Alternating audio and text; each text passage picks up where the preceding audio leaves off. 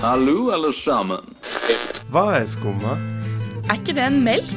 Nei, det er kultur. Å, skumma kultur. no milk today. Smaker godt.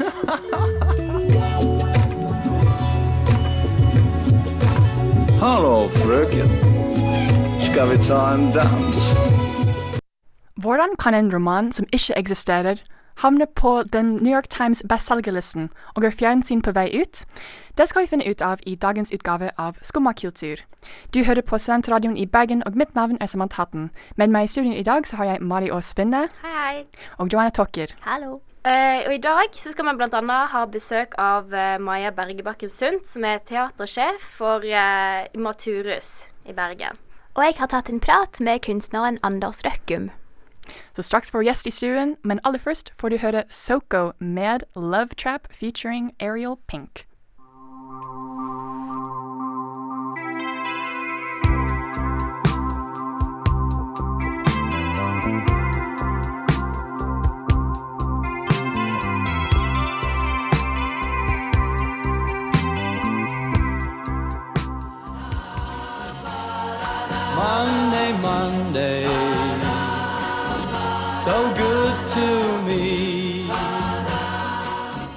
Skumma kultur hver mandag på Studentradioen i Bergen. Nordens største studentteatre finnes i Bergen, faktisk, og det er nemlig Studentteatret i Maturus. Og de hadde lanseringsfesten sin forrige uke, der vi fikk vite hva vi kan forvente fra Maturus nå til høsten. Så i dag er Maja og jeg så heldige å ha med oss en gjest i studioen, den nye teatersjefen Maja Bergebakken Sundt. Så velkommen til deg, Maja. Tusen takk for det. Hei, hei. Hei. Kan du fortelle litt hva Immaturus er for noe? Ja. Uh, Imaturus er et studentteater som uh, drives av studenter helt frivillig. Uh, vi holder til på Kvarteret her i Bergen, det meste vi gjør. Eh, og eh, der har vi ukentlige workshop i mye forskjellig, samtidig som vi setter opp en hovedproduksjon det semesteret her. Mm. Og du er teatersjef det hele neste året.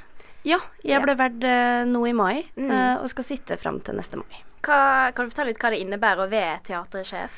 Eh, ja, i, i, i Maturus så er, det, er du da leder av styret og leder av kunstnerisk uh, råd, sånn at eh, du er øverst både på den kunstneriske og den administrative delen. Så det jeg jobber mye med, er å sikre teatret sin kunstneriske kvalitet og å sørge for at eh, det går så bra som mulig med den daglige drifta. Hva forventninger har du til dette semesteret? Det her blir et veldig veldig flott semester, som jeg gleder meg til å komme godt i gang med.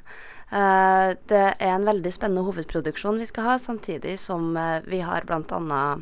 en gruppefusjonsdag uh, kommende, og eh, samarbeid med de andre driftsorganisasjonene ved kvarteret i et samarbeidsgjerdhus. Mm. Hva er det- gruppefunksjonsdag? En gruppefusjonsdag der eh, får du Det er åpent for alle sammen, og der får du en mulighet til å prøve ut det, noe av det Imaturius har å by på. Er det gjelder for alle studenter? Ja, det er åpent for alle. Hva gjør det på sånne gruppefunksjonsdager? Uh, jeg nevnte jo at vi har ukentlige workshops, Ja. og der får du prøve ut en halvtime cirka med hver, uh, hver ting. Så du får teste ut uh, skuespillerteknikk, du får teste ut impro og litt med lys- og lydteknikk. eh, samtidig som vi er innom skrivegruppa, og så er vi en snartur her oppe i radioen sammen med Radioteatret. Det er veldig masse forskjellige som finnes i, i Maturus. Og dere sluppet jo hovedproduksjonen forrige uke. Kan du fortelle oss litt om det? Ja. Eh, hovedproduksjonen i år den er skrevet av en av våre egne, og han skal ha sin regidebut med den. Så uh, stykket heter 'Til ord skal du bli', og er skrevet av Anders Låke. Uh, det handler om en, en firerbande som var veldig tett, og så flytta han ene for å gjøre karriere. Og kom tilbake ti år senere, og så var bestekompisen og ekskjæresten død. Eh, og så er det litt uh, De firerbandene har vokst fra hverandre og har forskjellige tanker om hvordan det dødsfallet har kommet til å skjedd, og det, det skal vi få et innblikk i i jo, uh, oktober. Så det premieren er i oktober. 15. oktober er premieren. Hvor mange oppsetninger har det? Eh, skal vi se, det blir sju forestillinger. Sju forestillinger. Så siste er 23. oktober. Nei, 22. oktober. Beklager. Ja. Og den kommer til å trenge skuespillere og mange folk til å jobbe i produksjonen. til Ja, og ja, med, ja. så- Eh, vi har som regel produksjonene våre uh, består av uh, mellom 20 og 30 personer. Og vi trenger skuespillere, vi trenger folk som jobber kunstnerisk med både scenografi og kostyme og sminke og den biten der. Så det trenger fortsatt folk? Eh, ja, vi har auditions eh, nå i morgen på tirsdag. Okay. eh, og på torsdag. Så der er det infomøte om alt du kan jobbe med i produksjonen, samt eh, at du kan stille til audition for å bli skuespiller. Mm. Så det er ikke bare skuespiller, det er mye annen jobb så også? Det er mye annen jobb. Har du lyst til å drive med PR, har du lyst til å jobbe administrativt med en produksjon, har du lyst til å jobbe med teknikk, har du lyst til å jobbe med uh, det å bygge sosialt samvær og være sosialansvarlig, så har vi veldig mye forskjellig å by på. Mm. Det er noe for alle, med andre ord nesten. Ja, vi liker å tro det.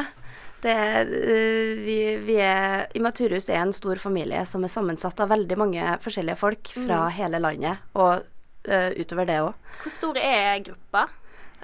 hele Imaturus er vel på en 70 medlemmer. Ja. Det er litt vanskelig å si noe såpass tidlig i semesteret, men vi ligger på ca. rundt 70 i familien. Mm.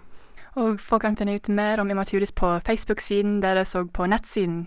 Ja, imaturus.no og på Studentteatret Imaturus på Facebook har vi, legger vi ut uh, hyppig hva vi holder på med. Så der er det enkelt å følge oss og se hva vi driver med. Ja, det er mange arrangementer som folk kan glede seg til. Ja. Ja, da sier vi tusen takk til deg, Maja Bergebakken Sundt. Tusen takk for at jeg fikk komme. Nå får du høre Bærtur med We Are The Word.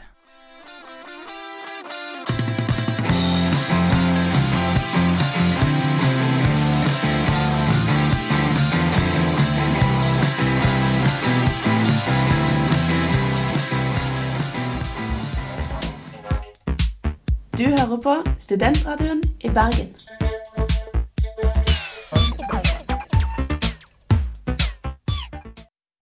Du hører fortsatt på Skumma kultur her på Studentradioen i Bergen, og i dag vi skal snakke om noen utrolige saker om folk som har falsifiserte identitetene eller bøkene sine, eller i andre ord litterære hoaxes.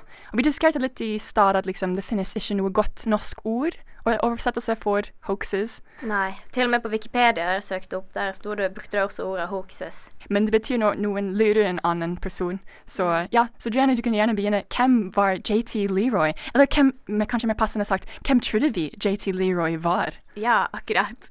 Um, ja, JT Leroy syns jeg er ganske fascinerende. Um, det var en slags persona skapt av en kvinne som het Laura Albert. Eller het, heter. Hun er i live.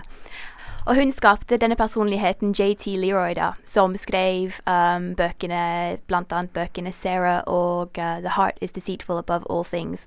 Og JT Leroy var en veldig ja, en gutt som hadde en veldig vanskelig bakgrunn. De hadde vært uh, prostituert, de uh, bodde på gaten, hatt problemer med narkotikamisbruk. Uh, men JT Leroy fantes ikke, bare i fantasien til Laura Albert. Og når Laura Albert trengte noen som skulle vise seg uh, på forskjellige arrangementer, så fikk hun en til å kle seg opp som JT Leroy, og dette var søsteren til hennes partner. Ja, og det er veldig sært å se på bildene av dem, fordi hun hadde en eh, parykk, en blond parykk, som eh, man tenker ingen skulle, vært, uh, Nope. skulle tro på dette her. Men hun, eh, det gikk ganske lang tid før de fant ut at hun hadde falsifisert identiteten til skribenten. Mm, det gikk flere år, og eh, det var mange, annet uh, Asia Argento, som regisserte en film basert på en av bøkene, var helt, uh, det helt på dette. Og JT Um, Ler- Leroy ble venner med mange kjendiser, mange, til og med. mange kjendiser. Veldig, veldig opptatt av å være venner med masse kjendiser. Ja, blant annet Courtney Love og Bono og Winona Ryder. Yep. Og de jo trodde på denne Ja, de virkelig trodde at de, han var ekte. Og, fordi folk trodde at historien hans var veldig selvbiografisk. Mm. Men det er veldig interessant å tenke på hvorfor måtte hun gjøre det. Mm. Eh, hvorfor måtte hun skape et falsk identitet for at folk skulle- skulle kun, kunne tro på Mm. historiene mer. Ja, det er veldig vanskelig, og hun har aldri gitt en veldig klart svar på hvorfor hun gjorde dette. Men uh, folk trodde jo at dette var en veldig autentisk og rå stemme, og derfor fikk hun så mye oppmerksomhet. Og hun hadde nok ikke fått samme oppmerksomhet hvis hun hadde publisert som seg sjøl. Laura Albert, en 40 år gammel kvinne fra New York.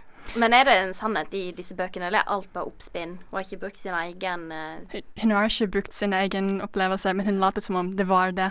Og det minner meg om en sak fra i fjor, der en uh, hvit mannlig skribent som heter Michael Derek Hudson, uh, det ble avslørt at han hadde br faktisk brukt en kvinnelig kinesisk navn, Yi Fen Chu, da han publiserte noen av diktene hans. Og han sa i et intervju at noen ganger hvis han ble avvist for en tidsskrift, så skulle han sende det samme diktet på nytt med den kinesiske navn, og så ble det liksom akseptert etter det. Oi. Og det er helt sprøtt å tenke på. Og han brukte navnet av en som han kjente i videregående.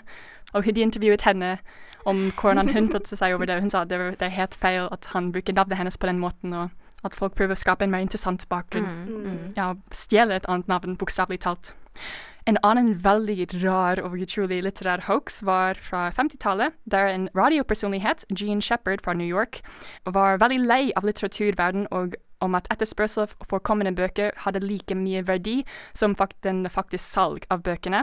Så en kveld så hadde han en idé på radioprogrammet sitt at han, han spurte lytterne hans og eh, går til bokhandlere i New York den neste dagen og spør etter en tittel som ikke eksisterer. Så han fikk littere som ringte inn og hadde ideer, så de bestemte seg for I Libertine. Så dagen etter New York spurtes alle hans littere utover bokhandlere på New York etter I Libertine, og et, etter hvert så havnet den på The New York Times bestselgerlisten. Men det kan jeg ikke forstå, for det er jo ingen bok. Ja, ikke sant? Det, det er umulig for meg å forstå heller liksom, hvordan kunne det gå an, men han skapte en slags frenzy over det, sant? for alle liksom, å ja, I det må vi få, det må vi få, men etter hvert var det The Wall Street Journal som avslørte i en artikkel, en artikkel, og denne boken, den eksisterer ikke. Og så etter hvert var det en annen eh, forlag som kjøpte rettighetene til den tittelen og ga ut en bok, og de ga vekk eh, inntektene fra den boken til vel, en veldedighetsorganisasjon. Så det Så- jo noe godt ut av det, da. Ja. Men det, det sier veldig mye om hvor viktig hype er. Mm. Og hvor, ja, at noen kan bare hypes opp så mye, og folk tenker så, tar det på alvor, liksom. Det er ikke eksisterte engang. Nå får vi høre Still Corners med Horses at Night.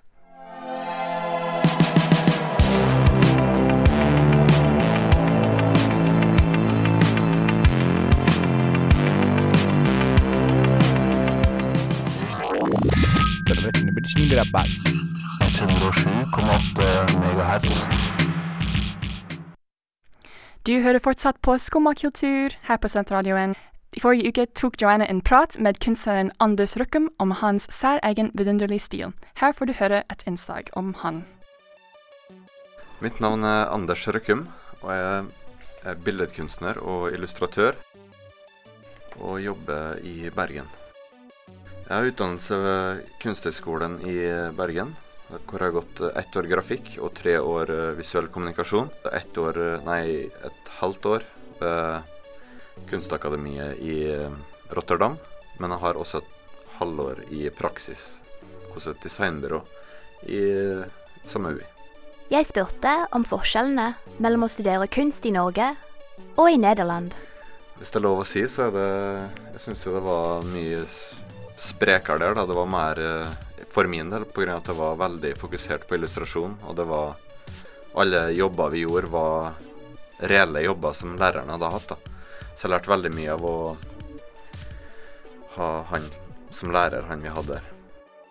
Bildene mine, de er vel det Jeg jobber vel stort sett med tegning. Og jeg har også drevet med maling og sånn, men det eh, velger å vise fram, er stort sett tegninger som er ganske grafiske i uttrykket. Jeg har på en måte ikke noe sånn fast at jeg må ha et studio, eller må Jeg, jeg pleier av og til å reise hjem til kamerater, jobbe hos dem, men stort sett så er jeg Sitter jeg hjemme i et Kall det et studio hjem, da. Men jeg har også jobba hos eh, et designbyrå, i tatoveringsstudio og har vært, blitt vant til å ha veldig mye folk rundt meg mens jeg jobber. Mens ja, så har jeg funnet ut at jeg foretrekker å være veldig sånn eh, ensom ulv, da. Anders har bakgrunn fra tatoveringsbransjen, og hadde følgende å si om sin tid som tatovør. Bakgrunnen min som uh, tatovør er at jeg har jobba som lærling her i Bergen. Hvor jeg har gått i praksis et halvt år, og så har jeg også gått i praksis neste halvår, men da har jeg også begynt å tatovert stort sett hver dag. da. Men samtidig som jeg begynte å jobbe der, så begynte jeg også å få veldig mye tilbud om å ha utstillinger. Og da ble det veldig vanskelig å gjøre begge ting fortløpende. Da. Og da måtte jeg velge bort en trygg jobb i tatovering til å bare kjøre, kjøre fylt hus med tegning. Jeg, hadde, jeg følte jeg hadde ikke noe valg. Det var Enten så kan jeg gjøre noe sånn like halvveis, eller så kan, må jeg bare satse. Og når jeg ser på folk som har fått det til, så har det jo vært pga. at de har satsa alt og bare drept i å ha en jobb ved siden av. Det litt, eh, kan være litt trangt til å begynne med, men så lønner det seg etter hvert. da. Mange av motivene i Anders sine bilder er ganske mystiske og av og til skumle. Jeg spurte han spesifikt om bildene som viser menneskefigurer som fjerner eller river vekk ansiktene sine, og avslører svart himmel og stjerner der ansiktet skulle ha vært. Nei, det var, det var egentlig at jeg hadde en sånn eh, Jeg begynte å lage en serie som handla litt om eh, Eller for min del handla litt om sånn metam metamorfose. Ting som forandra seg, ting som utvikla seg til nye ting. Mange kanskje assosierer det med ødeleggelse eller eh, sånn self-destruction, men for min del så er det mer eh, ja, Jeg ser mer positivt på at det er mer eh, en slange som skifter skjellet sitt, eller skilpadde som uh, finnes et større skall. Ja, jeg prøver jo å lage um, Altså i selve uttrykket så prøver jeg å, å lage i hermetegn vakre bilder, men så er det også at det er litt obskure og det er litt uh, uante og mystiske, groteske.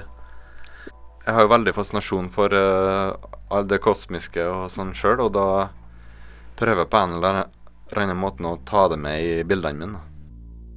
Nei, når det kommer til samarbeid i, når jeg jobber med illustrasjon, da, så Før så gjorde jeg hva som helst for uh, bare for å få penger omtrent. Og man uh, ja, gjorde ting nærmest gratis bare for å Og det tror man, man er nødt til å, i begynnelsen. At for at andre skal se hva du kan, så må du på en måte selge det litt, da. Uh, men uh, nå for tida så har jeg blitt såpass privilegert at jeg kan leve bare av å selge bilder. Så det jeg gjør av illustrasjonsjobber nå, det er ting jeg liker sjøl. Sånn at jeg ikke er avhengig av pengene, men jeg kan tenke på at det er et kult prosjekt, eller jeg liker bandet. Og, og da er det også sånn at jeg, jeg skjønner tidlig om jeg kan gjøre det jeg vil eller ikke, da. Og jeg har veldig positiv erfaring egentlig med at de som er som jeg syns er flinke å respektere, de har som regel satt seg inn i det jeg gjør først, og så får jeg ganske frie tøyler. Når jeg lager platecover, så er det, er det Jeg liker liksom å bli litt utfordra òg, så jeg liker jo å, å, lage Før var det jo bare metal-band som kontakta meg. Bare black metal, punk og hardcore, mer harde band. Mens i det siste så en, har det vært litt mer pop og elektronisk musikk, da, og det er jeg veldig glad for. Det er ett samarbeidsprosjekt som Anders synes er spesielt spennende. Ja, jeg, jeg laga i Det er et par år siden nå, men plata kommer først ut nå, og nå ja, snart, tror jeg. Og det er et trondheimsband som heter Dødsengel, som var eh, en av mine favorittband innen sjangeren. hvor jeg fikk en mail av dem og lurte på om jeg hadde hørt om dem og om jeg hadde lyst til å lage platecover, og da var det, da var det litt eh, jubling i stua. Så det var veldig givende, og da var det Men da, da var det helt Da gjorde jeg Hørte liksom på sånn demospor og prøvde å vis visualisere det, da. Jeg har på en måte den um, forbindelsen med platecover siden jeg var fem-seks år, så hadde en slags uh, jeg trodde Jeg har skjønt liksom ikke konseptet med at folk faktisk hadde laga platecoverne. Så jeg trodde det var Det var rett og slett en Det var, det var musikken som hadde laga platecoveret, på en måte. Så at du kunne lese av et platecover hvordan musikken faktisk høres ut. Så når jeg så platecover til Megadeff og Slayer når jeg var seks-sju år, så fikk jeg jo Da tenkte jeg jo jeg må jo få til å lage noe sånt sjøl. Hvordan er det mulig? Og jeg ble så fascinert av den sammenhengen da, mellom musikk og det visuelle.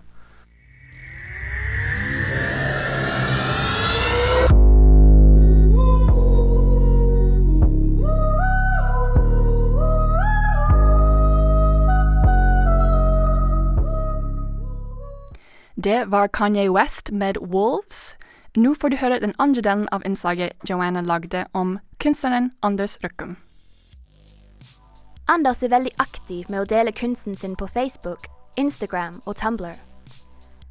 Jeg spurte han om hvilken rolle sosiale medier spiller for han når det gjelder kunst og promotering. Ja, til å begynne med så syns jeg det var ganske, ganske flaut å legge ut bilder på nett. Altså du er veldig sånn eh, eksponering. Men så går det gikk det forholdsvis kort tid før jeg begynte å få tilbakemeldinger på ting, og folk spurte om jeg ikke solgte bilder.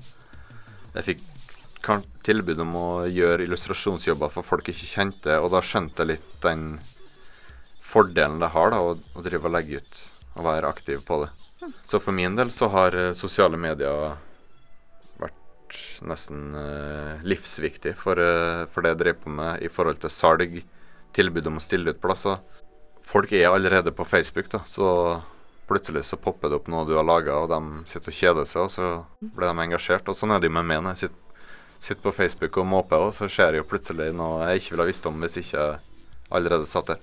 Nå, eller nå i april så hadde hadde en opp, eh, opplevelse gjennom eh, Tumblr. For der, det var mer en sånn uh, Kall det søppelplasker og bare hive ut bilder. Altså, bare for å ha en plass å oppbevare det, så jeg kan vise litt oversiktlig um, hvor det ikke er noe tekst, det er kun bilder.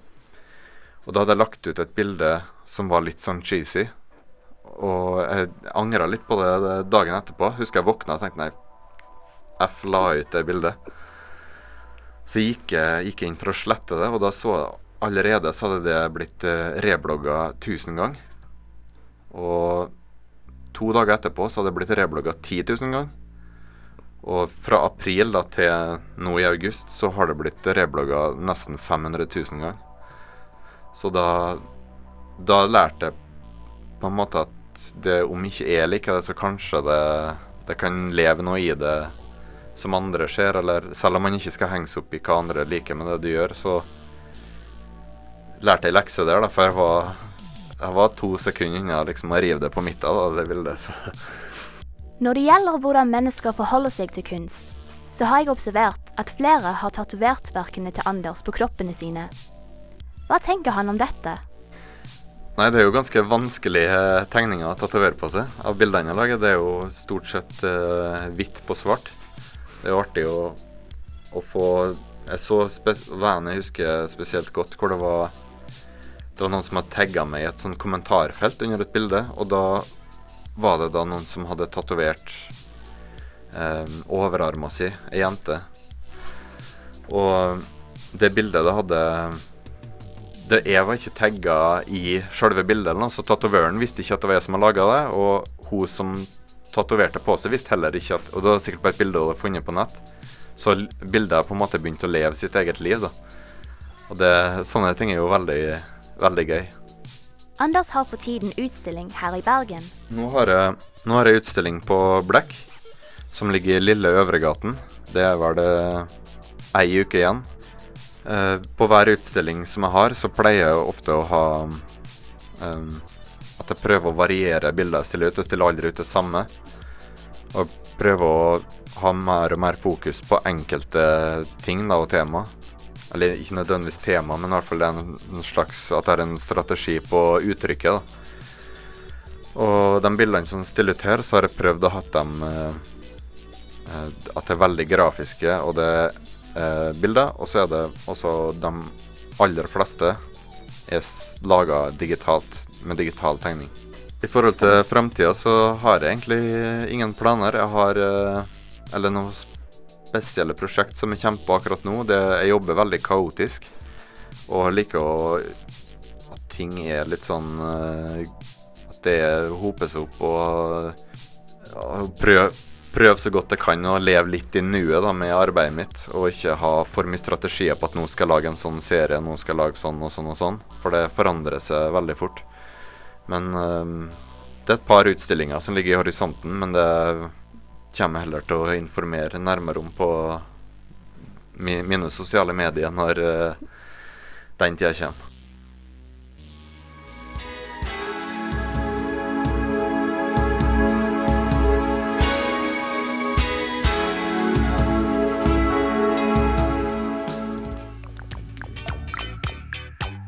Skumma.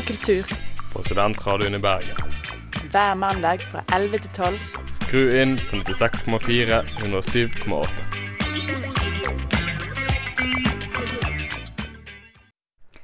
Det var Able Body med Backseat Heart. Og nå skal vi bevege oss over inntil den verden av TV-vaner og hvordan de har forandret i det siste. Så kan jeg gjerne stille dere først. Hva, hva er deres TV-vaner? Jeg ser dere på TV en gang i dag. Ja, jeg er sånn Jeg har ikke TV, da. For jeg er så kul. Nei da. um, jeg føler meg veldig sånn lame når jeg sier det. Men um, så nei, jeg ser ikke på vanlig TV. Fordi jeg ikke har en. Jeg har faktisk heller ikke TV. Det har jeg ikke hatt i leiligheten siden jeg var 15 år. Uh, men det er egentlig ganske digg, fordi at da får du ikke Da går du glipp av så mye, og du tenker ikke sånn Å, det her må jeg få med meg. Fordi at det blir ofte sånn at hvis jeg ser på realityshow eller hva det nå skal være, så syns jeg det er veldig kjekt å se på. Men når jeg ikke tenker at jeg har ikke tilgang til det, da er det Mm. veldig lett å spare mye tid på å gjøre andre ting. Men jeg bruker jo desto sikkert enda mer tid på internett, da. Og jeg var jo inne på um, SSB, Statistisk sentralbyrå, og der fant jeg at uh, i 2015 så var det 67% av Norges befolkning som så eh, TV en gjennomsnittsdag. Og tidligere så har den ligget på 80, stabilt på 80% Så det er jo faktisk en nedgang i folk som ser på TV. Og internett, da, det har jo økt. eh, Hvor mye har det økt? Det har faktisk gått litt ned fra 2014 til 2015, tror jeg. Eh, men årene før har jo det ligget stabilt på Nå husker jeg ikke tallet i hodet, men jeg tror det var rundt 60 eller rundt der. Men det er faktisk 63% som ser på TV-sendinger på fjernsynet, og 11% ser på nettsendinger.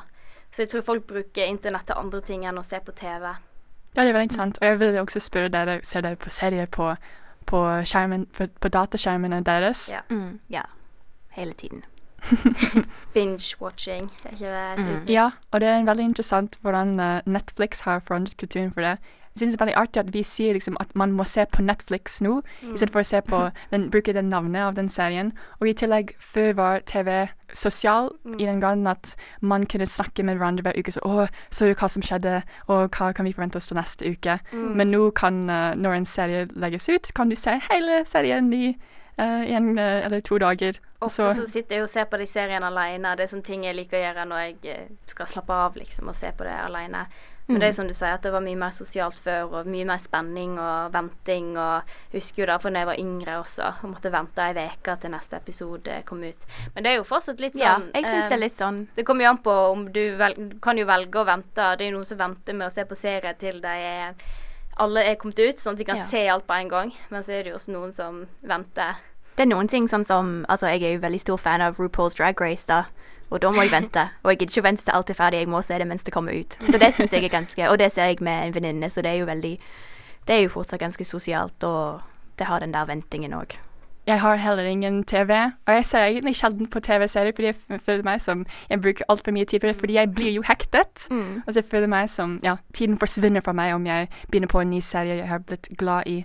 Og en annen interessant statistikk jeg fant ut om TV-vaner, eller om eh, TV-kulturen generelt, var at i USA da begynte, eller de begynte å innføre um, flere aviser i de ulike byer.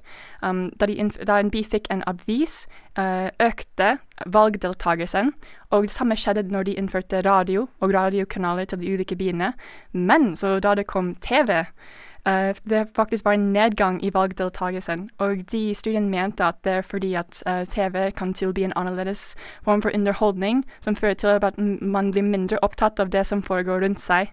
Er det den type underholdning, eller er det selve at de kan se Altså det Det er sikkert begge deler, føler jeg meg. Det er jo veldig spesielt og interessant. Så jeg føler meg litt liksom Ikke skyldig, men jeg føler meg Når jeg blir oppslukt igjen, så jeg føler meg som Er dette best, den beste bruken av tiden min? Men uh, ja. Nå får du høre Band of Skulls med Friends.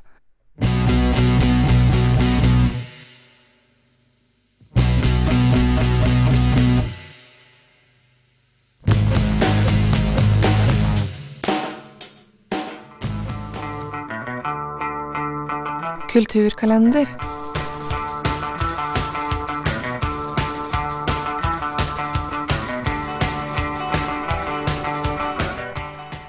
Det var Band of Skulls med Friends, og nå har vi beveget oss til vår fastspalte Kulturkalender. Så uh, hva, for, hva gleder du deg til denne uken i Bergen, Joanna? Ja, jeg skal se hva jeg uh, får tid til å gå på. Men eh, en ting som skjer på um, 31. august, det er at Bergen Impro Battle begynner opp igjen. Så det skal skje på Kvarteret um, klokken åtte 31. august. Hvis noen har lyst til å være med. Det er workshop og forestilling. Og så en annen ting som jeg syns er veldig kult ut, det er Bergen Assembly har en forestilling på Sentralbadet um, klokken åtte. 2. september, fredag. Og um, det skal være en uh, slags konsert som skal visst uh, utforske hvordan det å være døv um, kan påvirke måten vi oppfatter lyd på. Så det syns jeg høres veldig interessant Ja, jeg har jo lyst til å reise på noe som heter Poesi anno 2016. Og det er Studentersamfunnet som arrangerer det. Og det er altså en samtale om eh, samtidspoesi. Og da skal de ha gjester bl.a. forfatteren Thomas Espedal og eh, Alexander Fallo, som har en veldig populær konto, Instagram-konto med mye dikt. Så da blir det samtale, og dette er altså på Kvarteret 31.8 klokka seks. Eh, og så har jeg også veldig lyst til å reise på utstillingsåpning av Missan Scene. Eller jeg er usikker på hvordan jeg uttaler det. Jo da, det var. Eh, av eh, Åge Petersson. Og dette skjer på Nobel Bopel. Eh, og det åpner jo også 31. august, men jeg regner med at den kan du gå og se på noen uker etter åpningen. Og da er det altså utvalgte filmer som han Åge har visualisert med tegneseriens språk. Så det tror jeg kan være veldig artig å se på. Vi har intervjuet ham ikke sant, her på Skumma kultur om den Draft tegneseriefestivalen, Ja. så det blir kult å se på hans utstilling. Det var på Nobel Pobel. ja. Og det er også mulighet for å kjøpe verkene der. Og en annen sted du kan kjøpe illustrasjoner, er en nyoppstartet illustrasjonsbutikk som heter Black. Og Det ligger på Lille Øvergaten, og det ble åpnet nå i sommeren. Så Anders Røkkum, som vi hørte tidligere i dagens sending, har jo utstilling der nå. Og det er et veldig koselig sted. Kjøkkenet er ganske dyre på en studentbudsjett, men det er kult å se på uansett. Og de har med rimelig prissett notatbøker og zines, så vil jeg absolutt anbefale å ta turen innom. Nå får du høre André Øy med Pop-Up.